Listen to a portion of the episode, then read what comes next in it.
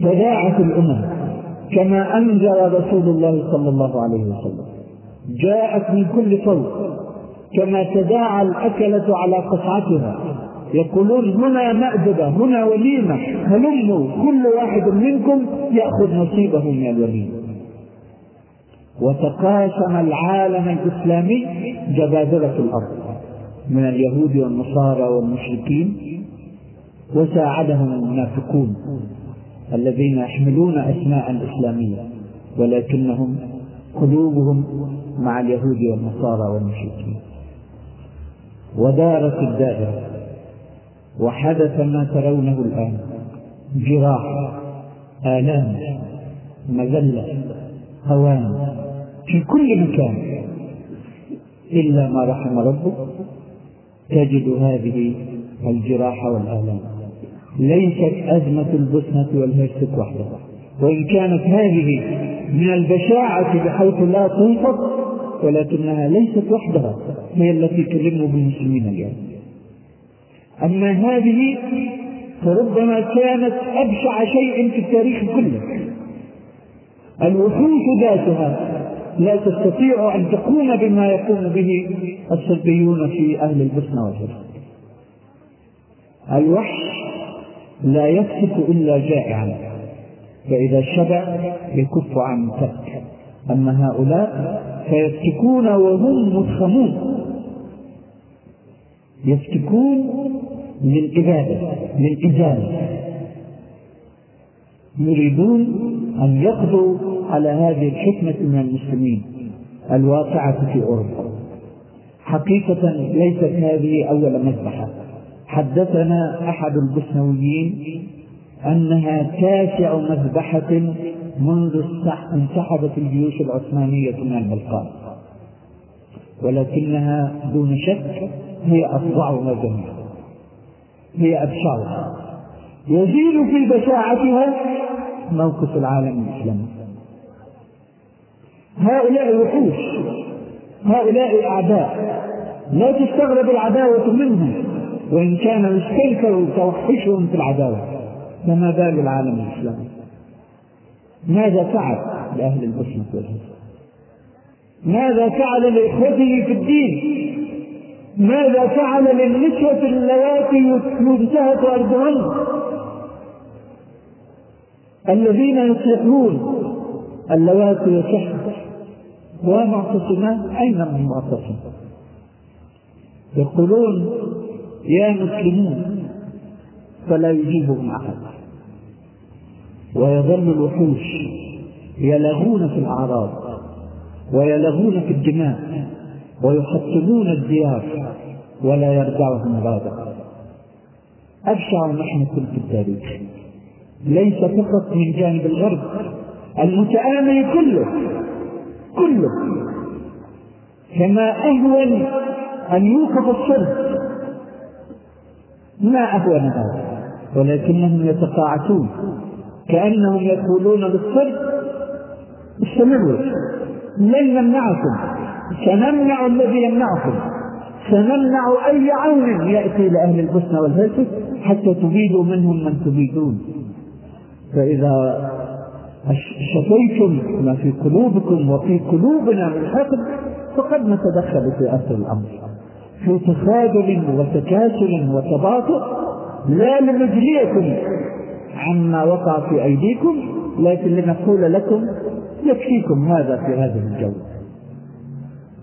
ما حدث مثل هذا التاريخ ومع ذلك فليست هذه هي المذبحة الوحيدة التي تلم بالمسلمين اليوم.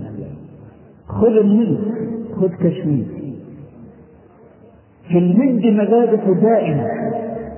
لا يتكلم عنها الإعلام العالمي. ومما يؤسف أن الإعلام الإسلامي أيضا لا يتكلم عنه. هناك تعتيم إعلامي مقصود على المذابح التي تحل بالمسلمين. لكن في قضية البوسنة والهرسك بلغت من البشاعة أنه حتى المتآمرون لم يستطيعوا أن يسكتوا وأن يعقلوا أما في الهند فالتعتيم قائم. المذابح في الهند لا تكف وإحراق القرى الإسلامية على أهلها أحياء لا تكف فإذا قام المسلمون يدافعون عن أنفسهم جاءت الشرطة الهندية تقول هؤلاء هم الذين أحدثوا الشغب وتقتلهم بالرصاص. وفي برما وفي الفلبين وغيرها وغيرها في طاجستان في شهر واحد ذبح مئة ألف من المسلمين في كل مكان في الأرض. يذبح المسلمون ويهانون ويذلون. لماذا؟ لأن هذه الأمة نسيت دينها إن العزة لله ولرسوله وللمؤمنين. لا لذرار المؤمنين الذين يقولون كان آباؤنا مسلمين مؤمنين. لقد حزمنا الله من هذا المصير وهو يعرض لنا في كتابه المنزل قصة بني إسرائيل لنحذرها لكي لا نقع فيما وقعوا فيه وخلف من بعدهم خلف ورثوا الكتاب ورثوا ليس كتابهم ليس ملزما لهم هذا كتاب الآباء والأجداد كان ملزما للآباء والأجداد وهم يرثونه. تراث فخلف من بعدهم خلف ورثوا الكتاب. يأخذون عرض هذا الأدنى ويقولون سيغفر لنا. وإن يأتيهم عرض مثله يأخذوه. ألم يؤخذ عليهم ميثاق الكتاب ألا يقولوا على الله إلا الحق؟ ودرسوا ما فيه. والدار الآخرة خير للذين يتقون. أفلا تعقلون. ضرب لنا الله هذا المثل لكي لا نقع فيه. فوقعنا. وتحول القرآن إلى تراث بين أيدينا. إلا ما رحم ربك تراث يدرس. مرة في الفقه مرة في العقيدة مرة في الأدب في البلاغة مرة في النحو مرة في اللغة. والعمل به أين هو؟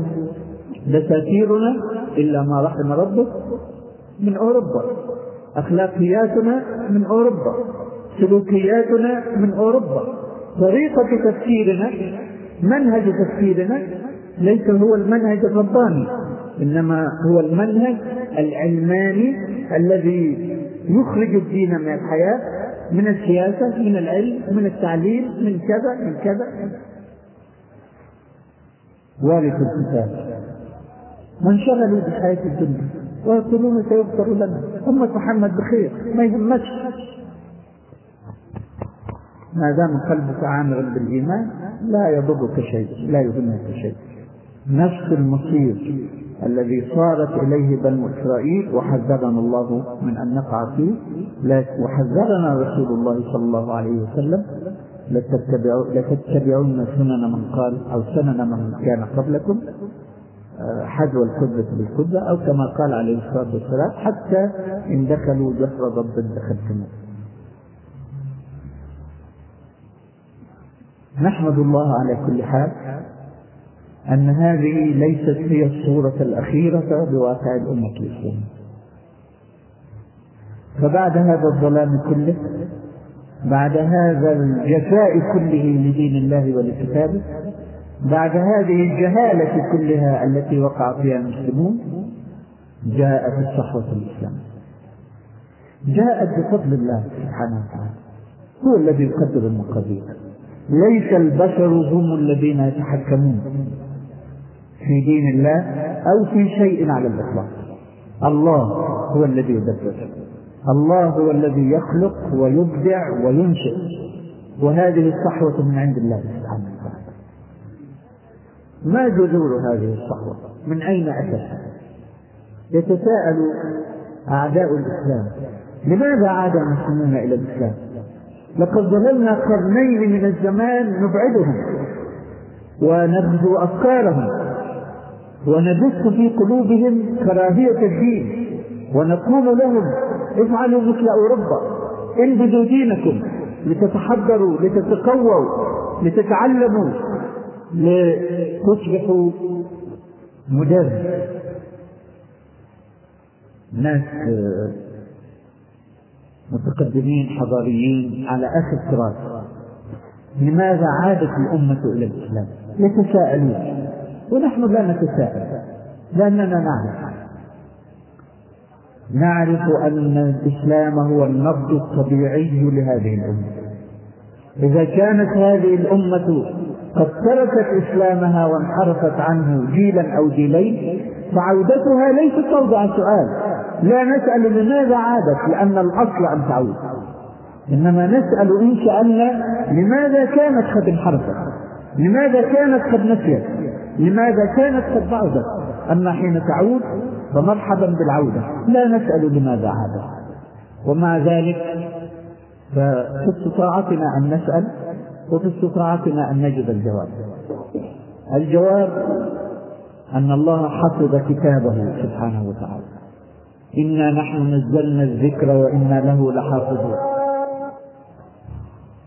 الصحوة قامت في تقدير الله سبحانه وتعالى.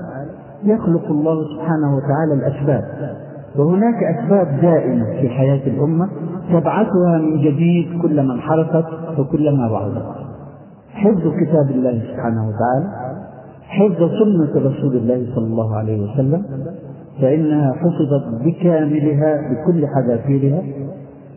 الفترة التاريخية التي طبق فيها الإسلام تطبيقا واقعيا تعطي النموذج حين يحب الناس أن يعودوا إلى الإسلام لا يعودوا إلى هلاميات لا يعودون إلى شعارات لا يعودون إلى أفكار مجردة إنما يعودون إلى واقع تاريخي عاش عشرة قرون على أقل تقدير.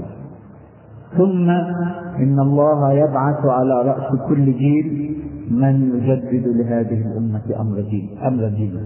فالله هو الذي يتشكل بحفظ هذا الدين سبحانه وتعالى. وهو الذي يبعث هذه الأمة مهما بعدت مهما انحرفت يعيدها إلى خطه المستقيم إلى صراطه المستقيم. يبعث من يذكرها فتعود وقد عادت أو نقول قد بدأت تعود. هذه الصحوة تبشر بخير كثير جدا. قد تكون لم تنضج بعد النضج الكافية. قد تكون لم تسترشد بعد الرشد الكافية. قد تكون لها سلبيات. قد تكون لها تعثرات. كل هذا واقع. لكن وجوده وجودها نفسه آية من عند الله واستمرارها رغم كل الحرب المصبوبة عليها آية من عند الله ومبشر بأن المستقبل لهذا الدين. حين نقول المستقبل لهذا الدين لا نقوله حالمين إنما نقوله ونحن نرى بعيوننا أو بعيون بصيرتنا وعد الله الحق متحققا في واقع الأرض. حين تعود هذه الأمة يعود التمكين والاستخلاف والتأمين. حين تزول الأمراض ينطبق قوله تعالى وإن تصبروا وتتقوا لا يضركم كيدهم شيئا. يكيدون والكيد لا يضر. الكيد لن يتوقف ولن يتوقف أبدا لكن حين تستقيم الأمة لا يضر هذا الكيد. وعندنا هذا المبشر الأعظم من مبشرات الرسول صلى الله عليه وسلم. لا تقوم الساعة حتى يقاتل المسلمون اليهود فيقتل المسلمون اليهود حتى يقول الحجر والشجر يا مسلم يا عبد الله هذا من خلفي يهودي فتعال فاقتل. أو كما قال عليه الصلاة والسلام. هذه المعركة نحن الآن في ارهاصاتها وتجمع اليهود من فجاج الأرض هو من إرهاصات هذه المعركة. وحين تقع كما أخبر رسول الله صلى الله عليه وسلم وحين ينتصر المسلمون ذلك النصر الذي أخبر عنه رسول الله صلى الله عليه وسلم لن تتغير فلسطين وحدها لكن ستتغير الأرض. الأرض بكاملها. من الذي يحكم الأرض اليوم؟ رضينا أو أبينا؟ هم اليهود. هم الذين يعينون رئيس الجمهورية. وهم الذين يسقطونه. وهم الذين يقتلونه كما قتلوا كينيدي في عام 1963 حين زاغ عن طريقه. اليهود هم الذين يحكمون الأرض اليوم. لا تسألوني لماذا سأقول لكم لغياب الأمة الإسلامية. حين غابت الأمة الإسلامية بزغ شرار, الأرض وشياطينها فتولوا القيادة البشرية. حين تقع تلك المعركة. وهي آتية لا محالة لأنها وعد من الله ورسوله صلى الله عليه وسلم. وحين ينسحق اليهود هذا الانسحاق هل تظل لهم قيادة على البشرية؟ سيطرة على البشرية؟ لا. سيزول سلطانهم وستنتقل القيادة من الأمة الضالة المضلة إلى الأمة الراشدة الهادية المهدية. ويعود المسلمون إلى قيادة البشرية مرة أخرى. ويدخل الإسلام ربوعا لم يكن قد دخلها من قبل. وتجيء جولة جديدة ممكنة منتصرة لهذا الدين وتملأ الأرض عدلا كما ملئت جورا من قبل. هذا هو المستقبل الذي بشر به الله ورسوله صلى الله عليه وسلم. وهو المستقبل الذي ننتظره ونتوقعه ونرى هذه الصحوة بداية له. متى يقع؟ هذا غيب لا يعلمه إلا الله. ولكن الخطوات الأولى بدأت بهذه الصحوة وتتلوها خطوات بإذن الله ويجيء يوم النصر وتنكشف الغمة ويسيطر المسلمون على الأرض من جديد وينشرون الهدى والنور والعدل مكان الظلم ومكان الظلام الذي تنشره الصليبية الصهيونية اليوم ألا تدعوا ربكم أن تكونوا من أولئك الجنود الذين يقاتلون تحت راية لا إله إلا الله والذين ينصرهم الله على أعدائهم ويمكن لهم دينهم الذي ارتضى لهم. اللهم آمين. آمين. آمين. آه، نأخذ بعض الأسئلة من الكفع من الوقت. وهي كثيرة جدا كما أشرت. أولا هذا السؤال يقول صاحبه فضيلة الشيخ إلى أي مدى تنطبق قولة رسول الله صلى الله عليه وسلم؟ بدأ الإسلام غريبا سيظهر أو سيعود غريبا. فطوبى للغرباء على هذه على هذا العصر. آه، ما أظن أن عصرا ينطبق عليه قول رسول الله صلى الله عليه وسلم مثل هذا العصر. الغربة التي تصل إلى حد أن مفاهيم الإسلام الأصلية بما فيها مفهوم لا إله إلا الله لا يصبح واضحا عند الناس تقول للناس إن لا إله إلا الله تقتضي تطبيق شريعته فيقولون لك من أين جئت بهذا؟ ما للدين وما للسياسه؟ أي غربه يمكن أن يكون الإسلام فيها أشد من هذه الغربه؟ فإذا كان منطبقا على عصر من العصور فهو أشد انطباقا على هذا العصر الذي نعيش يقول هذا السائل تكلمتم عن التعايش الواقعي مع حياة المسلمين من قبل الخطيب أو المعلم فهل لكم أن توضحوا كيف يكون ذلك؟ يكون كما قلت بالتربية التربية بالقدوة. وأنت لا تستطيع مهما أوتيت من قوة أن تربي الناس جميعا دفعة واحدة. لكن تستطيع أن تربي أفرادا. تعايشهم تصاحبهم تتابعهم. تبث فيهم الأخلاقيات الطيبة والفكر السليم. عندئذ ينطلق هؤلاء دعاة. فيدعون غيرهم فتتسع الدائرة هكذا كانت دعوة رسول الله صلى الله عليه وسلم وهكذا تكون الدعوة دائما. لا يمكن تربية أمة بكاملها في لحظة واحدة ولا على يد شخص واحد ولو كان هو رسول الله صلى الله عليه وسلم. لكن تربى القاعدة والقاعدة تنتشر وتنشر الهدى. الله أحد الإخوة يسأل ويقول نعم الصحوة موجودة والمجاهدون موجودون. ولكن كيف الجهاد والمجاهدون يحاكمون الآن بتهمة الذهاب إلى أفغانستان؟ آه وآخر يقول الأجواء الحاصلة هذه الأيام ضد ما يسمونه بالمتطرفين أو الإرهابيين. آه هل من كلمة حول هذا الموضوع؟ الحرب لن تكف.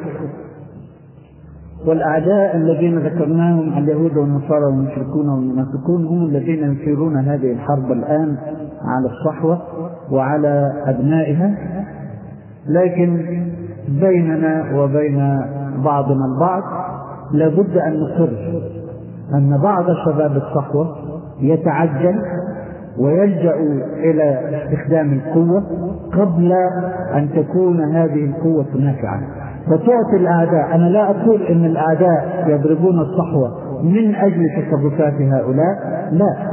لكن نعطيهم نحن مبررا يستغلونه ويقولون نحن لا نحارب الإسلام نحن نحارب التطرف.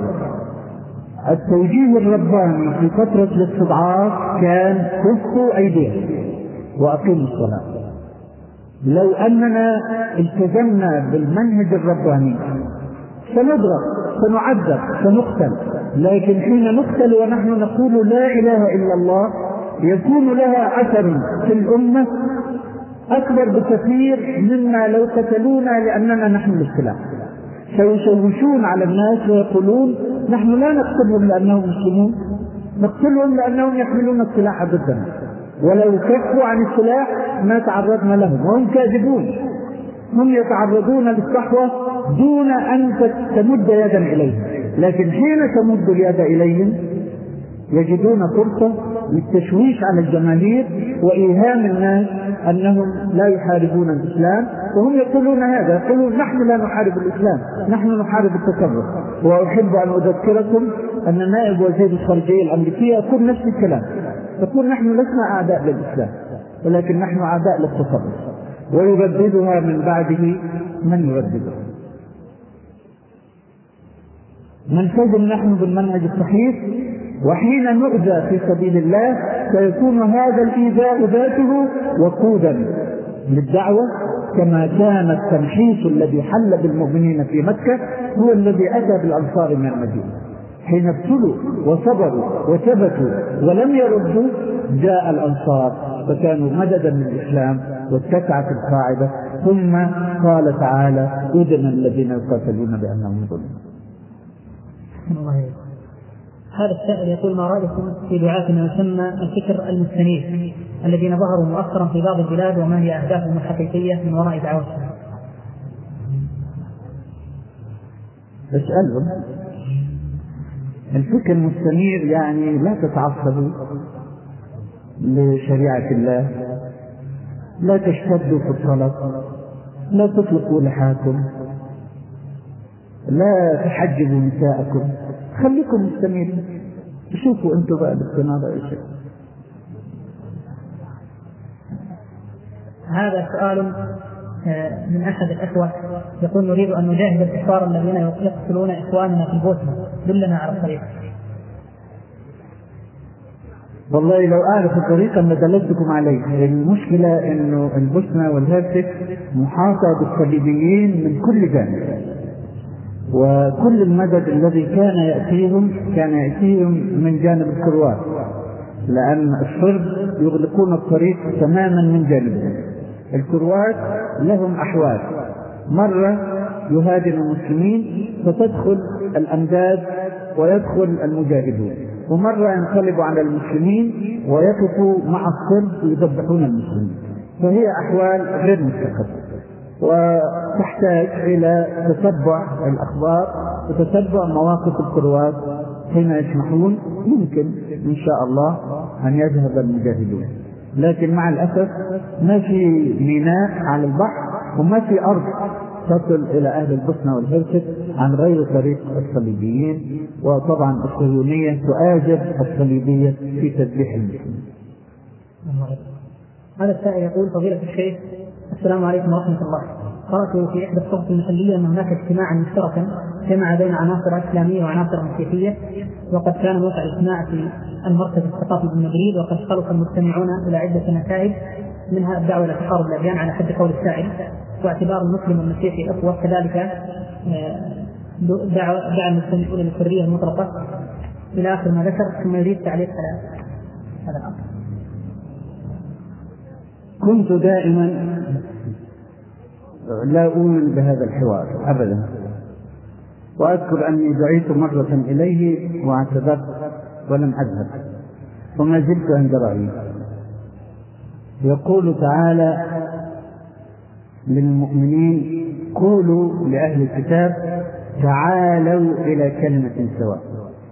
هم يجوا مش إحنا اللي نروح لما إحنا نروح يبقى تنازلنا عن موقفنا الأساسي. نحن في مكاننا وهم إذا أرادوا أن يأتوا يأتوا. وحين يأتون نقول لهم تعالوا إلى كلمة سواء ثم إن أخوة الأديان هذه من خبائث اليهود التي ينشرونها الآن.